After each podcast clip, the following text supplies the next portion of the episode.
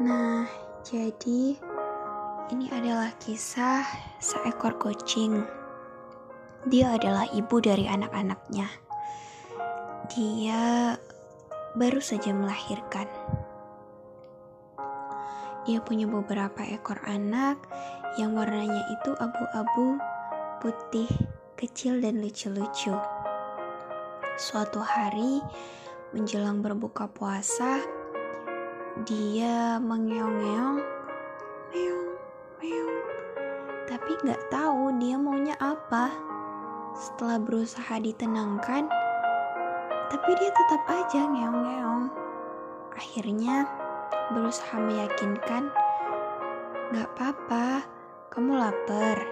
Kita buka puasa loh bentar lagi. Yang sabar ya. Tapi dia gak mau dengerin. Dia terus meong-meong. Kenapa nih kucing? Hmm, ya deh, buka puasa dulu. Setelah buka puasa, menjelang sebelum mau tidur, si kucing ini terlelap di atas tempat tidur. Bukan, bukan di atas tempat tidurnya, tapi di atas meja yang dijadiin sebagai tempat tidur dia. Tumben dia tidur di sini. Meong, kamu kenapa? Tapi dia masih lemes. Seketika perasaanku gak enak. Ketika dicek ke arah kardus kotaknya, ternyata di sana anaknya. Anaknya udah semutan. Loh, jadi dari tadi kamu ngeongin ini? Ya ampun, aku gak ngerti bahasa kamu. Tapi yang sabar ya. Akhirnya aku mulai ngerti kenapa dia dari tadi mengeong-ngeong gak jelas, panik sendiri. Anaknya di sana udah terkapar, tak berdaya, tak bernyawa. Ayolah, sabar Meong. Besok kita kuburin ya anak kamu. Nanti kita kuburin bareng bolang. Oke? Tapi dia masih lemes, matanya masih nanar. Akhirnya aku juga tidur malam itu. Esoknya, sebelum berangkat ke desa karena ada kerjaan, hari itu sibuk banget. Aku gak sempat ngurusin dia. Aku gak ingat untuk nguburin hingga akhirnya sore. Dia masih ngeong-ngeong gak jelas, ngeong-ngeong panik. Akhirnya sore itu juga kami kuburin anak-anaknya. Anaknya cuma satu ekor.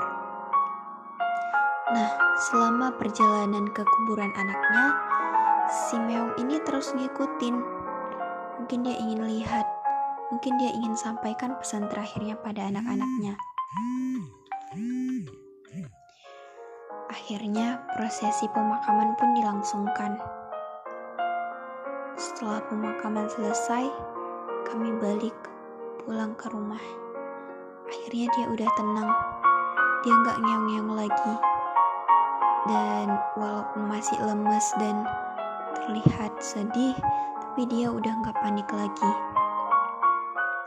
Nah, di samping cerita si Meong yang kehilangan anaknya ini, ada seekor kucing lagi yang begitu memperhatikan si Meong ini.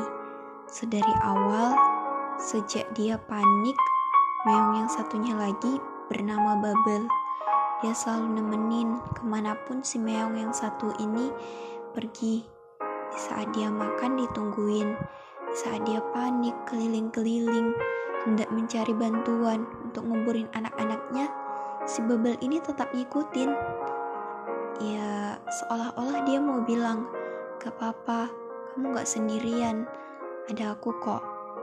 Kita temenan kita saudaraan. Jangan sedih-sedih lagi ya. Seolah-olah mereka adalah hewan yang walaupun gak punya akal tapi bisa ngerti gitu. Bisa saling menyayangi bisa saling mengasihi. Bahkan manusia sekalipun mungkin ada yang gak punya hati gak punya akal untuk anak-anak mereka, untuk saudara-saudara mereka, untuk kesedihan yang saudara mereka rasakan, bahkan mungkin mereka nggak punya empati. Tapi ini dari makhluk Allah dia itu nggak punya akal, dia cuma punya otak sama naluri, tapi mereka bisa berkasih sayang, bisa saling menyayangi, bisa ngerti apa itu sakit, bisa ngerti apa itu sayang sama anak-anaknya, sama saudara-saudaranya. Semoga cerita singkat ini bisa menginspirasi kita semua. Cerita ini dipersembahkan kepada seorang kakak yang kehilangan cucunya. Kak Ella.